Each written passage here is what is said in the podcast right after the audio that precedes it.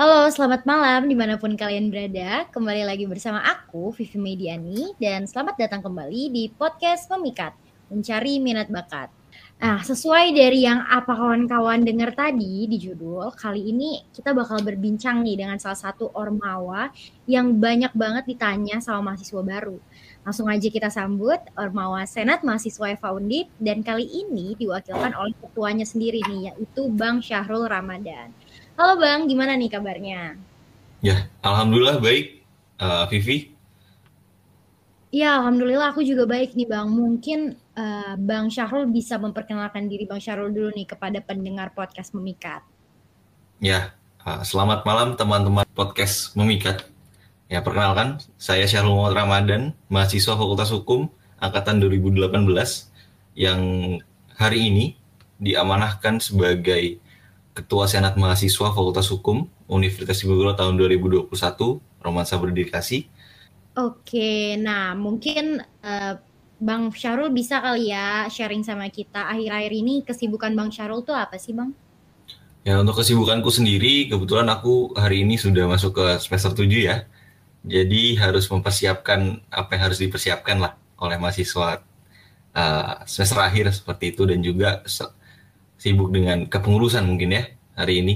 Oke, keren banget ya Bang Syahrul walaupun udah semester 7 tapi semangatnya untuk Ormawa Senat masih bener-bener tinggi banget. Nah, mungkin nih pertama-tama sebelum kita masuk ke pertanyaan yang udah lebih detail, aku mau nanya nih Bang, mungkin uh, Bang Syahrul bisa ngenalin Ormawa Senat tuh apa sih?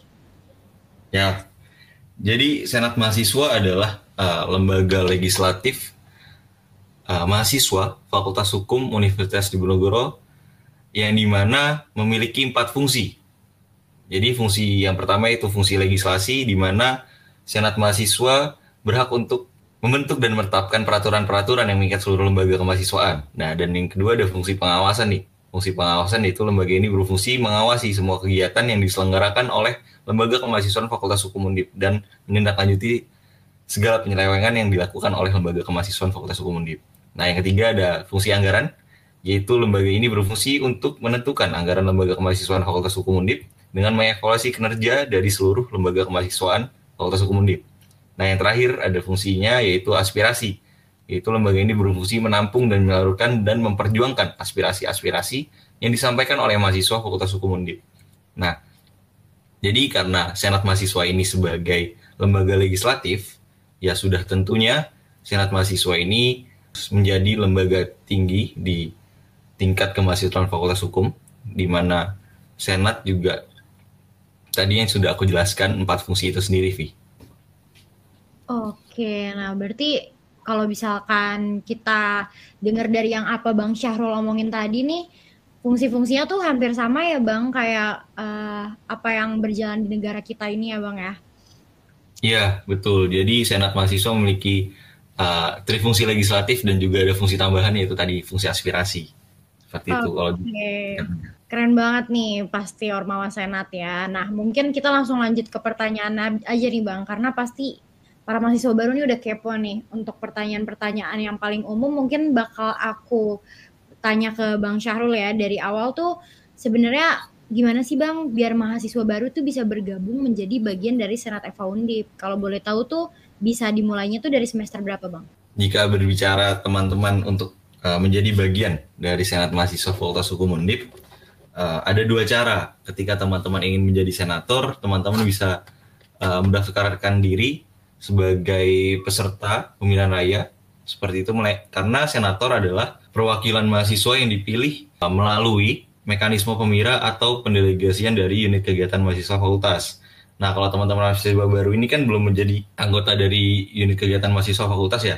Jadi, teman-teman ketika ingin menjadi bagian dari Senat, khususnya menjadi anggota Senat mahasiswa itu sendiri, berarti bisa mengikuti uh, mekanisme pemilihan, pemilihan raya dan nantinya dipilih oleh teman-teman sekalian. Nah, selanjutnya ketika teman-teman ingin menjadi staf ahli dari Senat Mahasiswa Fakultas Hukum, berarti nantinya teman-teman harus menunggu dari Senat Mahasiswa Fakultas Hukum untuk melakukan open recruitment dalam hal ini membuka pendaftaran dari staf ahli itu sendiri. Seperti itu, Vi. Dan untuk mendaftarnya, ketika teman-teman menjadi anggota Senat Mahasiswa, uh, itu bisa dimulai dari semester 1 ya kan nantinya mengikuti mekanisme pemira itu di semester 1 dan selanjutnya dilantik menjadi anggota di semester 2 selanjutnya ketika teman-teman menjadi staf ahli berarti nantinya teman-teman mengikuti open recruitment yang kemungkinan besar akan dilaksanakan ketika kita melihat uh, dari tahun ke tahun ya itu biasanya dilaksanakan di semester 2 teman-teman itu sendiri. Oke, nah berarti untuk para mahasiswa baru nih yang pengen banget jadi bagian dari Ormawa Senat Undip bisa banget nih dengerin apa yang tadi barusan dijelaskan oleh Bang Syahrul dengan baik-baik, oke? Okay? Nah mungkin aku mau lanjut ke pertanyaan selanjutnya nih Bang. Kira-kira ada nggak sih Bang syarat dan ketentuan untuk jadi anggota Senat? Oke, okay. berarti syarat dan ketentuan menjadi anggota Senat ya? Berarti jadi senator? Iya betul Bang. Syarat jadi senator uh, adalah yang pertama teman-teman harus uh, memiliki indeks prestasi kumulatif itu sejumlah tiga, IPK-nya tiga. Nah selanjutnya setelah IPK 3 yang perlu apa lagi yang harus disiapkan yaitu uh, setelah mengikuti training legislatif fakultas atau TLF yang bisa kita sebut. Nah selanjutnya sebelum adanya TLF teman-teman harus juga uh, mengikuti rangkaian kaderisasi awal ketika teman-teman masuk yaitu latihan keterampilan manajemen mahasiswa tingkat pradasar itu sendiri. Itu syarat administrasinya. Oke, keren-keren. Berarti aku pengen nanya lagi nih Bang, uh, pertanyaan selanjutnya tuh kalau boleh tahu Bang, di Senat Mahasiswa itu uh, kegiatannya tuh ngapain aja sih Bang? Oke, untuk kegiatannya ngapain aja? Jadi Senat Mahasiswa Fakultas Hukum ya, sebelum ada kegiatannya apa aja. Jadi dari empat fungsi tadi, Senat Mahasiswa Fakultas Hukum itu memiliki alat-alat di mana dalam hal ini untuk menunjang kinerja dari Senat Mahasiswa Fakultas Hukum itu sendiri. Di mana Senat Mahasiswa Fakultas Hukum itu ada empat komisi, memiliki empat komisi, terus ada tiga badan dan satu biro, dan sebelum itu kita dari strukturnya sendiri ya, itu ada ketua, wakil, sekjen, ya kan. Nah setelah, setelah itu ada tadi yang aku sebutkan ada tiga badan, satu biro, dan empat komisi itu sendiri yang menunjang tugas dari Senat Mahasiswa. Nah, terlebih lagi di dalam ketika kita melihat di fungsi tadi ada empat, fungsi yang pertama fungsi legislasi, di mana Senat Mahasiswa membentuk dan menetapkan peraturan. Nah, di situ kita sebagai senator di sana akan membahas terkait produk-produk legislasi apa yang akan kita uh, buat dan nantinya akan ditetapkan seperti itu. Itu kegiatan yang pertama. Jadi kita juga uh, di sana belajar untuk uh, belajar langsung dan diterapkan langsung ilmu sebagai kita mahasiswa fakultas hukum yaitu perancangan hukumnya yang kita lihat seperti itu. Nah selanjutnya ketika di uh, fungsi legislasi seperti itu dan ada di fungsi pengawasan nih fungsi pengawasan yaitu kita uh, sebagai pengawas uh, kegiatan dari ormawa seperti itu dari lembaga kemahasiswaan fakultas hukum di mana yang kita lihat apa tertib administrasi tertib aturan dan juga tertib anggaran seperti itu. Jadi dari uh, pra acara, acara dan pasca acara nanti kita nilai sebagai senat mahasiswa sebagai pengawas. Dan selanjutnya ada di fungsi anggaran di mana kita menetapkan anggaran kemahasiswaan yang didapatkan oleh uh, organisasi kemahasiswaan seperti itu. Nah nantinya mekanismenya apa? Kalau misalkan di tahun-tahun sebelumnya itu ada namanya sidang umum pembagian dana di sana senat mahasiswa Fakultas Hukum yang menyelenggarakan sidang umum tersebut seperti itu. Nah, terakhir di aspirasi kita biasanya dalam kegiatannya terkait aspirasi uh, Senat Mahasiswa Fakultas Hukum uh, menjaring aspirasi di mana ketika aspirasi sudah terkumpul dan sudah dikolektifkan akan kita buat namanya acara sebelumnya yaitu pra public hearing di mana pra public hearing itu sebagai bentuk pertimbangan-pertimbangan yang nantinya menjadi isu yang akan dikawal bersama-sama oleh mahasiswa dan juga senat mahasiswa itu sendiri. Nah, selanjutnya setelah pra public hearing, kita akan melakukan yang namanya public hearing, di mana public hearing kita mengajukan isu-isu yang sudah kita kaji terlebih dahulu dan kita sampaikan kepada pihak dekanat seperti itu. Jadi itulah kegiatan yang dimiliki oleh Senat Mahasiswa Fakultas Hukum. Selain tadi ada pembentukan peraturan terkait pengawasan, terkait penganggaran dan juga aspirasi itu sendiri. Oke, nah berarti cukup banyak juga ya Bang yang dilakuin sama Senat FH. Nah, aku mau nanya lagi nih Bang. Tadi kan Abang sempat ngejelasin sedikit lah tentang komisi yang ada di sini. Nah, kira-kira untuk penjelasan jelasnya komisi yang ada di Senat itu apa sih, Bang? Oke, komisi yang ada di Senat itu ada komisi ada empat komisi, di mana komisi pertama itu yaitu komisi terkait klasifikasi, pengembangan dan keilmuan, di mana di, di komisi itu sendiri punya yang namanya mitra kerja. Nah, mitra kerja adalah nantinya yang diawasi, yang di uh, yang dibentuk oleh uh, komisi satu itu sendiri sebagai senat mahasiswa, bagian dari senat mahasiswa seperti itu. Nah, pengembangan dan keilmuan ini memiliki mitra kerja uh, ada UKMF di bidang riset dan juga satu uh, bidang badan eksekutif mahasiswa yaitu bidang riset dan keilmuan seperti itu. Nah nantinya komisi satu ini yang bertanggung jawab atas terlaksananya rapat koordinasi dan juga uh, menjembatani antara mitra kerjanya dengan dekanat dalam hal ini misal terkait anggaran, terkait aspirasi-aspirasi yang masuk seperti itu. Jadi yang bertanggung jawab atas Hal tersebut adalah Komisi 1 terhadap mitra kerjanya. Nah, selanjutnya ada Komisi 2. Komisi 2 yaitu minat, bakat, kaderisasi, dan kerohanian. Di mana Komisi 2 ini memiliki klasterisasi mitra kerja di minat, bakat, kaderisasi, dan kerohanian. Di mana mitra kerja dari Komisi 2 itu ada UKMF di bidang kerohanian dan juga bidang minat dan bakat. Nah, contohnya apa? Kayak bola atau basket atau tenis seperti itu. Nah, di bidang rohani contohnya apa? Ya jelas PMK, PRMK, dan KKI. Nah, selanjutnya di Komisi 2 juga memiliki mitra kerja di bidang BEM juga. Salah satunya adalah bidang pengembangan sumber daya mahasiswa atau PSDM dan selanjutnya ada satu lagi nih bidang mitra kerja dari Komisi 2 yaitu bidang minat dan bakat. Yang hari ini mungkin menyelenggarakan podcast pemikat ini sendiri. Nah, selanjutnya ada Komisi 3. Komisi 3 sendiri klasifikasi mitra kerjanya ada hukum dan hubungan publik, di mana Komisi 3 ini bermitra kerja dengan dua UKMF dan selanjutnya bidang-bidang BEM di yang fokus kepada uh, hukum seperti itu. Contohnya adalah uh, tadi di bagian hukum dan hubungan publik yaitu untuk UKMF ya ada Gema Keadilan dan kelompok diskusi kelas sosial. Nah, selanjutnya Selain daripada itu, Komisi 3 juga ada beberapa bidang BEM yang diawasi. Nah, salah satunya adalah uh, bidang Dimas seperti itu atau pengabdian masyarakat. Selanjutnya di Komisi 4. Komisi 4 ada yaitu bagian dari advokasi, akademik, sarana dan prasarana. Di mana Komisi 4 ini merupakan komisi yang uh, bertanggung jawab atas penyaluran aspirasi kepada dekanat itu sendiri melalui tadi yang aku sebutkan di awal yaitu pra public hearing dan public hearing. Nah, Komisi 4 itu punya mitra kerja juga nih. Mitra kerjanya cuma di bidang BEM aja, yaitu bidang karir dan profesi. Selanjutnya ada bidang advokasi dan kesejahteraan mahasiswa. Seperti itu. Terlepas dari Komisi V, Senat juga ada yang namanya Badan Legislasi, Badan Kehormatan, Badan Kerjasama Antar Parlemen, dan Biro Urusan Rumah Tangga. Ya, yang di mana Badan Legislasi ini yang bertanggung jawab atas pembentukan peraturan seperti itu atau pembentukan program le produk legislasi dari Senat Mahasiswa itu sendiri. Nah, selanjutnya Badan Kehormatan itu apa yang bertanggung jawab atas kinerja dari senat senator itu sendiri, dari senator-senator dan dia adalah pengawas dari kinerja dari para para senator ini. Nah, selanjutnya apa? Kalau misalkan selain mengawasi dia ngapain? Dia yang menindak ketika terjadi pelanggaran etik oleh para senator ini. Yaitu badan badan kehormatan itu sendiri yang menindak nantinya.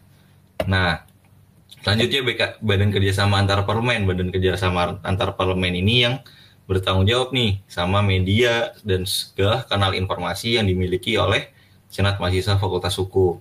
Nah selanjutnya ada biro urusan rumah tangga yang bertanggung jawab atas kesekretariatan dan kebendaraan yang ada di dalam Senat Mahasiswa Fakultas Hukum itu sendiri. Kayak gitu sih untuk dari kegiatan yang di dan komisi-komisi dan juga badan-badan yang ada di dalam Senat Mahasiswa Fakultas Hukum. Oke, berarti Oke, berarti kalau yang aku tangkap itu, itu tiap komisi itu punya mitra ya bang, gitu KMF-nya. Iya, punya mitra kerja.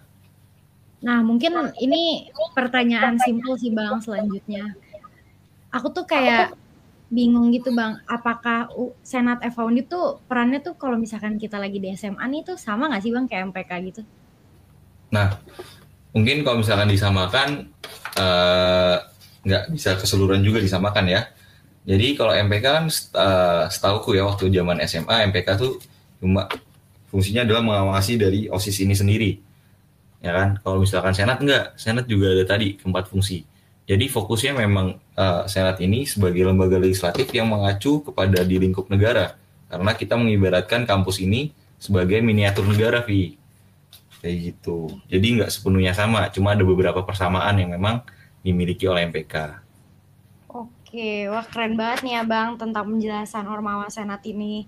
Nah mungkin uh, sebelum aku tutup pembicaraan kita hari ini nih Bang, mungkin Bang Syahrul punya kalimat-kalimat penutup gak nih Bang untuk Ormawa Senat dan untuk mengajak para mahasiswa baru biar join jadi anggota Senat nih Bang?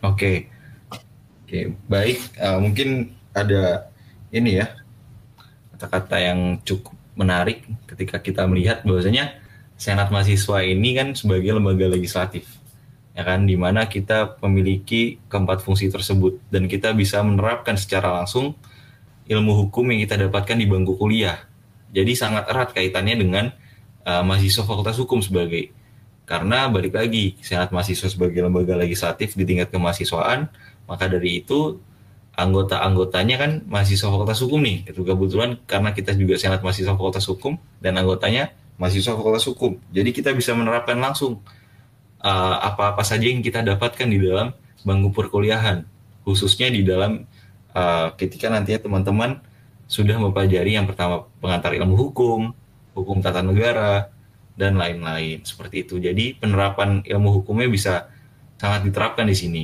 di dalam Senat Mahasiswa Fakultas Hukum. Jadi jangan jangan ragu-ragu untuk uh, ingin menjadi bagian dari Senat Mahasiswa Fakultas Hukum. Itu intinya. Dan okay. satu lagi nih Vi. Oke, okay, apa tuh Bang?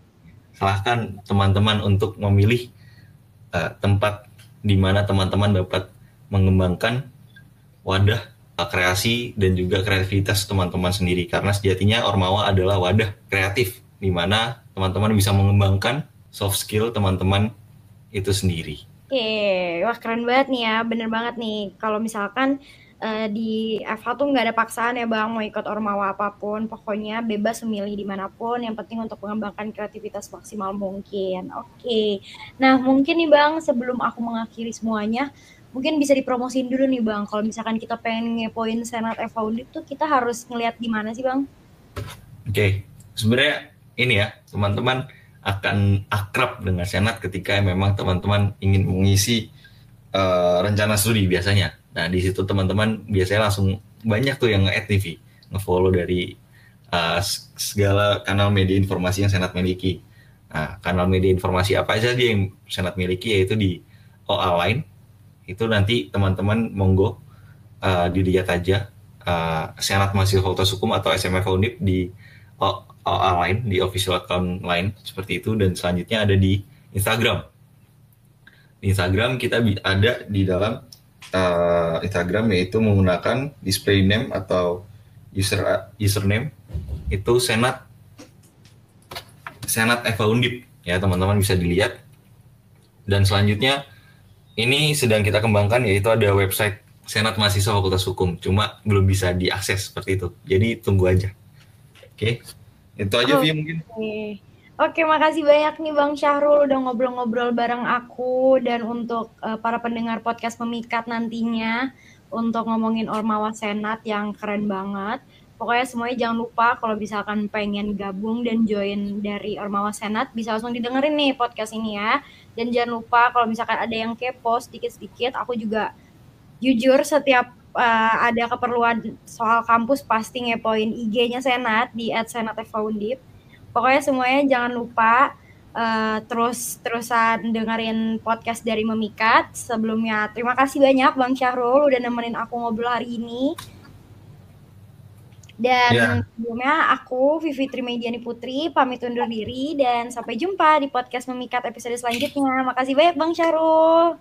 Ya, terima kasih juga Vivi. Selamat malam. Malam, Bang.